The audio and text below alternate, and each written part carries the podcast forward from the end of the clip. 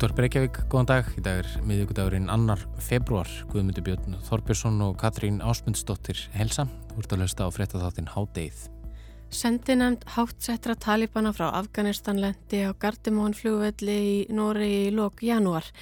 Þangaðanemndin komin í bóði norskra stjórnvalda til að funda með fulltrúum stjórnvalda nokkura ríkja, bæði evrópskra og bandarískra og ræða við fulltrúa ímiskunar mannréttinda og hjálparsamtaka þá einna helstum fjárhags og neyðaraðstóð og mannréttindi íbú Afganistan en þar hrjáir vetrarkuldi, eldsneitis, livja og matarskortur þorra landsmanna. Allar götur síðan talibanastjórnáði völdum í landinu í ágústi fyrra eftir að vestræn ríki dróðu herlið sín úr landinu. Saminuðu þjóðunar spá því að ástandi eigi svo aðeins eftir að versna að brátt verði 97% þjóðarinnar undir fátaktamörkum. Frumkvæði norskra stjórnvalda í málinu og heimbóð þeirra hefur víða verið gaggrínt, ekki hvað síst í Noregi, en stjórnvöld segja að þau hafi vilja leggja sitt að mörgum til að draga úr neyð almennings í Afganistan og bjóða fram örugan samræði vettvang. Við berum heimsókn Talibana til Noregs undir doktor Þórtísi Ingadóttur dósent við Lagadelt Háskóla Íslands í Reykjavík og sérfræðingi alþjóðalögum í setni hluta þáttarins og ræðum þá hlutverk alþjóðas samfélagsins og aðkomu þeirra að málum í Afganistan.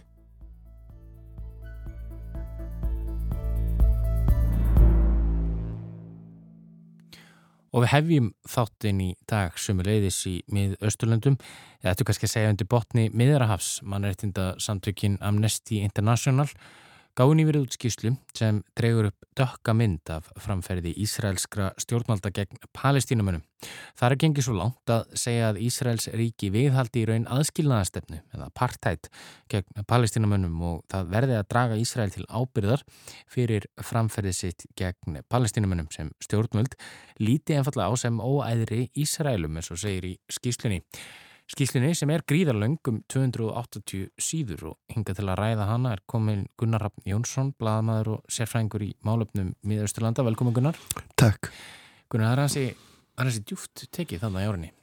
Já, það, þetta er, maður heyri náttúrulega og hefur heyrt áratugum saman af uh, skýrslum og og áliti í með þessar hópar hvort sem það eru uh, mannreitindasamtök nefndir á vegum saminuðu þjóðana einstök þjóðuríki uh, það er sífælt undir smásjóni uh, ástandið við botmiðjararhafs og það hefur verið leið sérstaklega uh, hart á Ísælsmannum fyrir að uh, beita þessum ólögu landtöku beigðum sínum til að stækka í raun ríkið mm. á kostnað palestínumanna og auka sitt landsvæði með uh, hætti sem er ekki viðkendur af alþjóða lögum þannig að það kemur í raun og veru ekkert á óvart uh, sem er hérna í þessari skýslu en, en það að hún kemur líka strax í kjálfarið á annari skýslu sem kom út nýlega frá Human Rights Watch.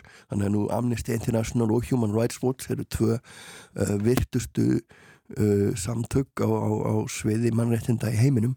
Og þau í raun og veru eru þarna að segja ástandi sé orðið með þeim hættin sem var þegar að, að Suður Afrika viðhjalt senni apartheid aðskilnaðastefnu og að hvetja til þess að alþjóðsamfélagið bregðist og sama hátt við e, útiloki Ísæl úr alþjóðsamfélaginu og neiti að selja þeim vopn e, setji viðskiptabann á einstaka stjórnmálamenn og fyrirtæki frá Ísæl og gerði þeim illa klift að, að halda áfram á sumu braut.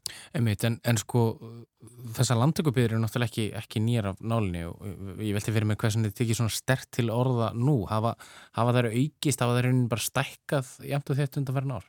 Það er að gert það og, og stefnan er í raun og veru fyrir harnandi og framtíðarstefnan, framtíðar áallunin ef maður lítur á, á skipulagsmál eins og þau eru dreyin upp af uh, hverri ríkistjónin að fætur annari í Ísæl að þá lítaði bara þann út að það er ekki gert ráð fyrir tilvist palestýrumanna í raun og veru, það er bara gert ráð fyrir að þeir á einhvern nátt gufi upp og hætti að vera til staðar og þetta verði allt saman meir og minna uh, Ísraels það er nú þegar de facto þetta er undir stjórn Ísraels uh, hernumdu svæði palestínumanna þannig að með þeim hættum að segja að, að það séu þjóðernis hreinsanir í gangi eins og segir í þessari 280 blaðsína skýrslu sem færi mjög sterkur auk fyrir því að, að uh, allt kerfið í Ísrael frá dómskerfinu, stjórnmálakerfinu hernum, lögreglunu sé byggt upp gaggjart til að vera fjandsamlegt palestinumönnum og rekjað á burt frá uh, landisínu til þess að, að búa til í raun og veru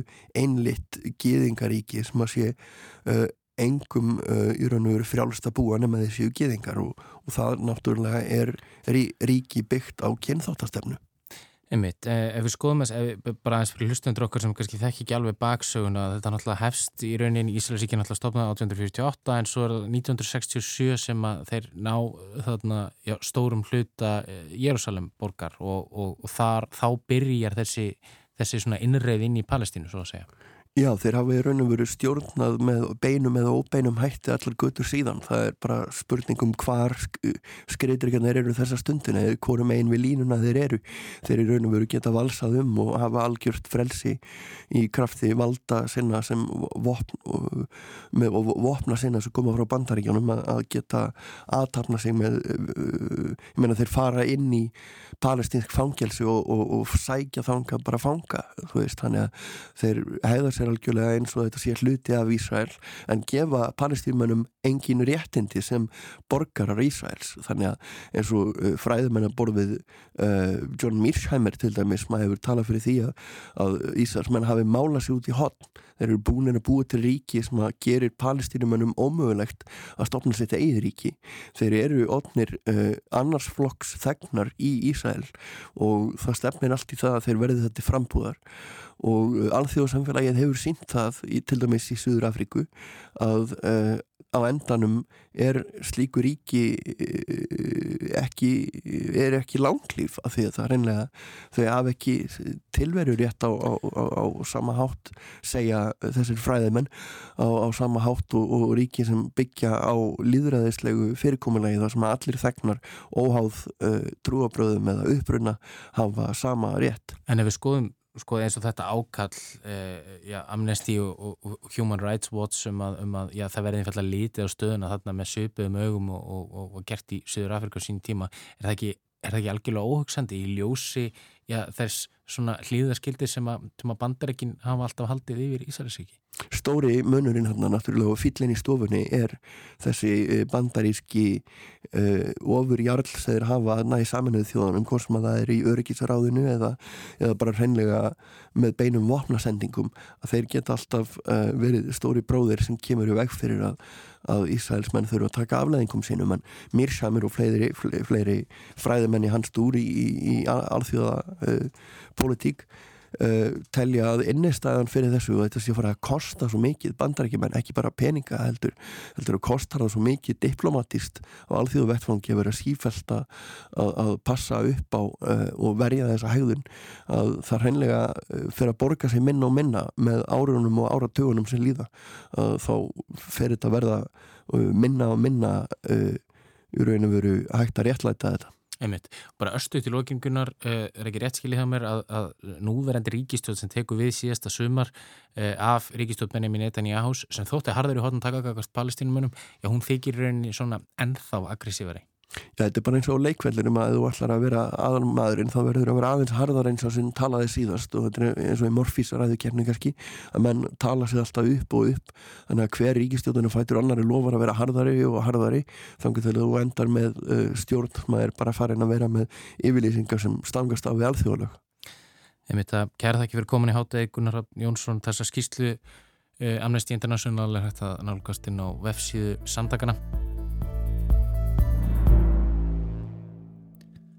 Norsk stjórnvöld byrðu stjórn Talibana til Óslóar í lók januar.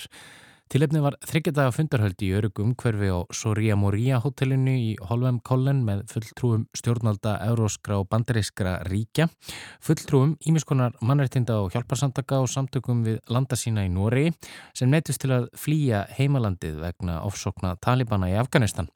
Mannreitindi fjárhags og neyðarástóð var í brenniteppli. En ástandið þar í landi vestnaði til muna í kjölfari þess að talibanar tóku völdi í landinu eftir að vestræn ríki dróðu herlið sín til baka í ágúst í fyrra. En af hverju þessi fundarhöldu og af hverju í Noregi af öllum stöðum, hvað hefur svona lagað upp á sig? Dr. Þórdís Ingadóttir, dósent við lagadelt háskólans í Reykjavík og sérfræðingur í alþjóðalögum, kíkti til okkar og rætti við okkur um hlutverk alþjóðsamfélagsins og aðkomið þess að málum í Afganistan.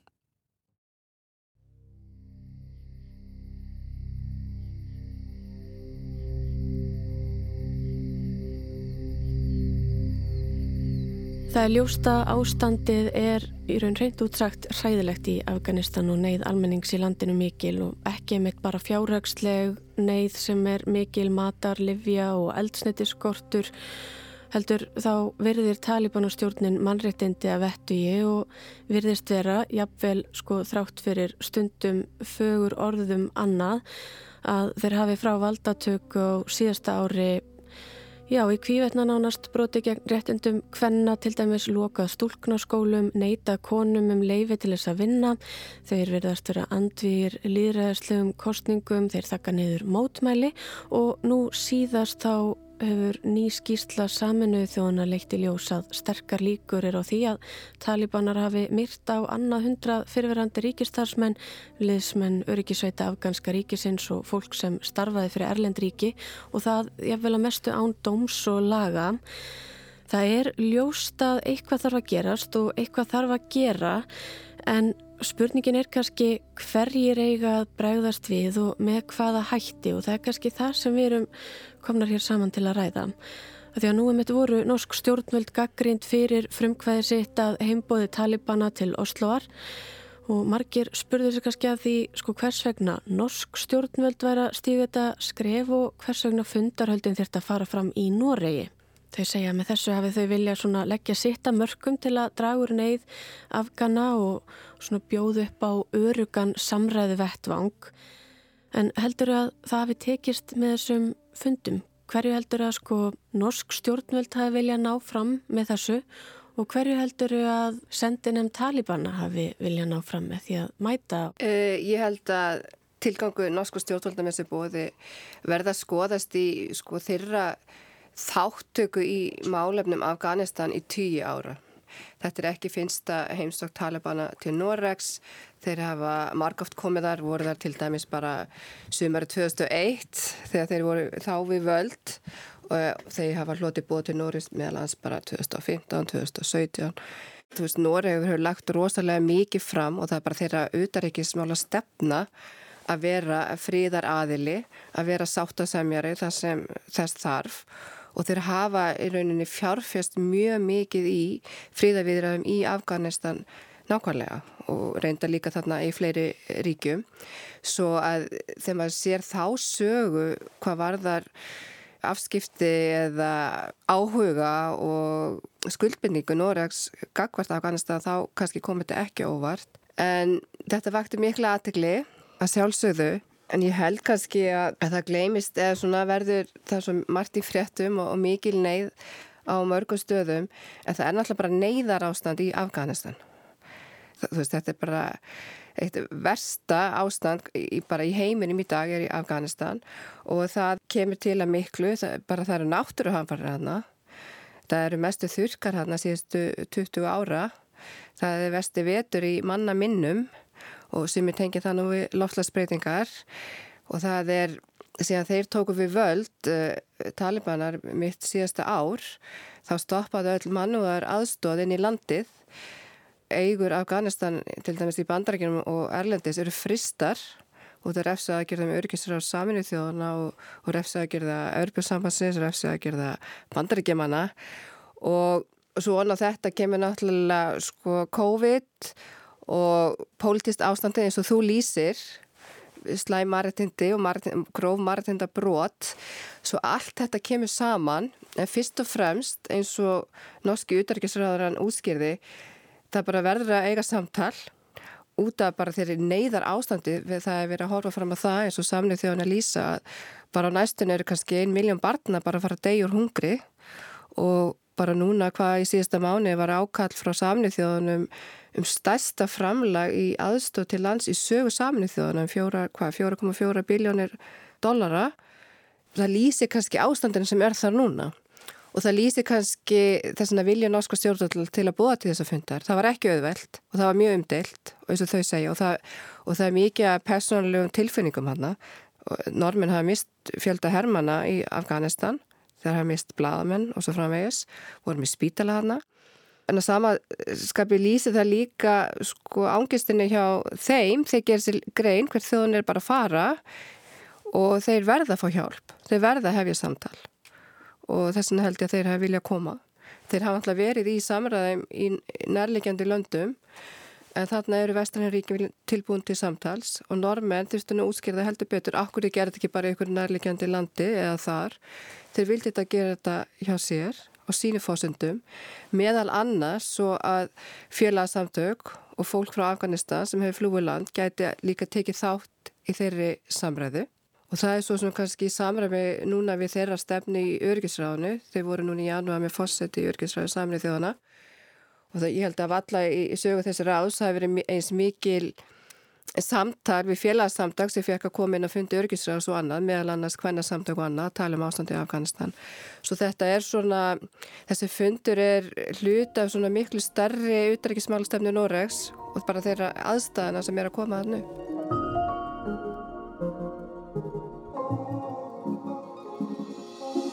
Hverju heldur þau að sko talibanar og stjórn talibana við vilja ná fram með því að sko mæta og taka þátt í þessu?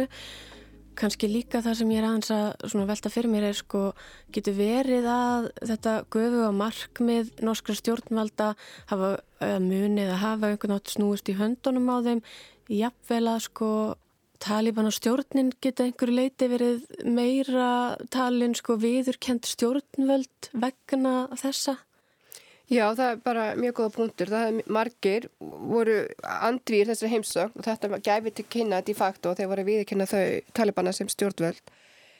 En með svona pólitist síðan og laglega síðan með alla þeir fyrirvara sem normin settu að þeir voru með þessu móti að enga vegin að viðkynna þau sem lögum að stjórnvöld í landinu en þeir væru og sem er, þeir eru núna allavega í framkvæmt að stjórna landinu og þessi mikla neyð sem er bara yfir, hún er byrjuð að þeir urði bara að gera þetta og ég held að samanskapi okkur taliban að gera þetta það, er bara svo mikið neyð nákvæmlega núna í landinu að þeir verða að fá hjálp. Og þess vegna voru þeir tilbúinu þetta. Hvað kemur út úr þessum sér fundi? Ég held að fólk hafi ekki kannski mikla væntinga til þess. Hann er svolítið merkilegt hvað er komið næstu í vika og það verður ekkert lekið ekki neitt. Og hérna hvað þar fór fram. En hún saði nú í sjómasvitali hún þurfti nú að mæta í sjómarpinu Norska sjóarpunni síðustu viku í ótrúlega góðan þætti sem er á heimasíðu Norska sjóansins þar sem hún þurfti að svara fyrir þetta. Og hérna mér fannst hún bara að færa ágættur auk fyrir sínu máli. En hún Já. sagði því meirast þegar lofa, því meirast þau eru að standa við svo greinlega það var einhverja kröfur sem þau ætluði að setja.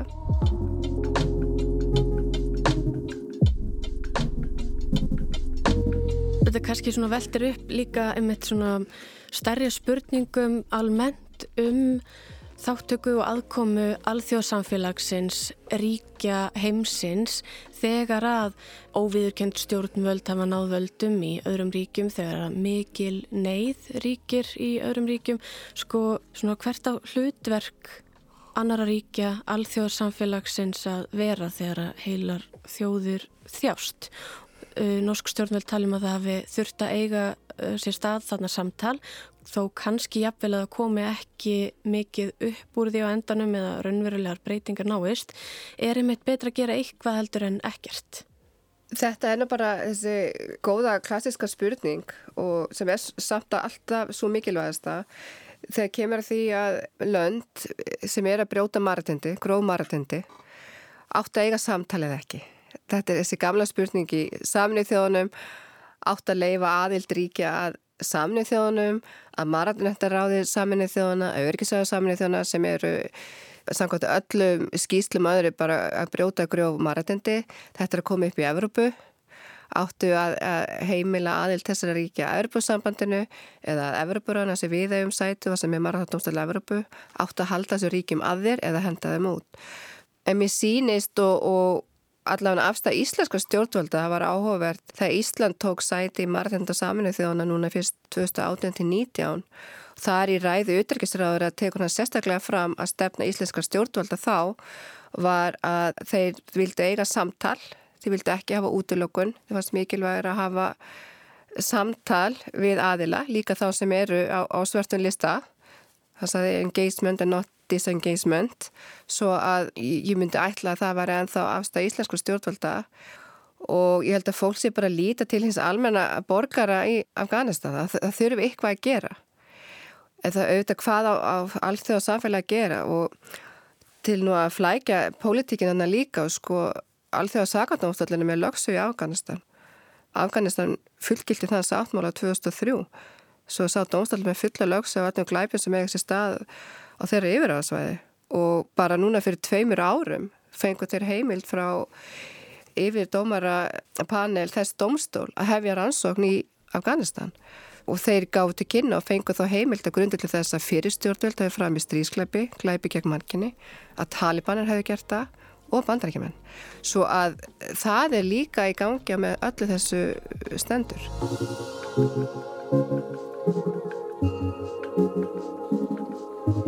Þessi aðkoma og áhugir náttúrulega margra ríkja núna að gera eitthvað í málunum, virkilega, þrátt fyrir hvernig aðstæðar eru hann og hverju eru við stjórn.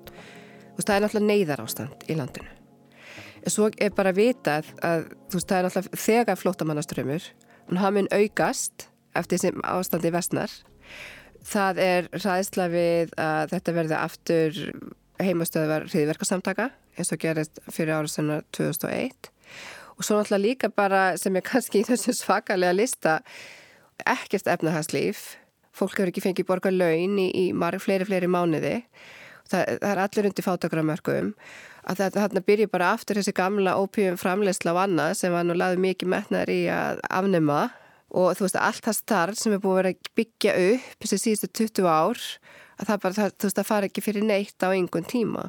Þú það er svo margar ástæðar held ég sem ríki sjá núna að þeir verði að, að koma til aðstæðar en eins og núna samtalið er, það er núna fyrst og fremst bara stöðva bara hungursneið og dauða og svo náttúrulega að koma að ykkur grundallar maratundum var og sérstaklega mest allir samljóma í því varandi rendi hverna á barna.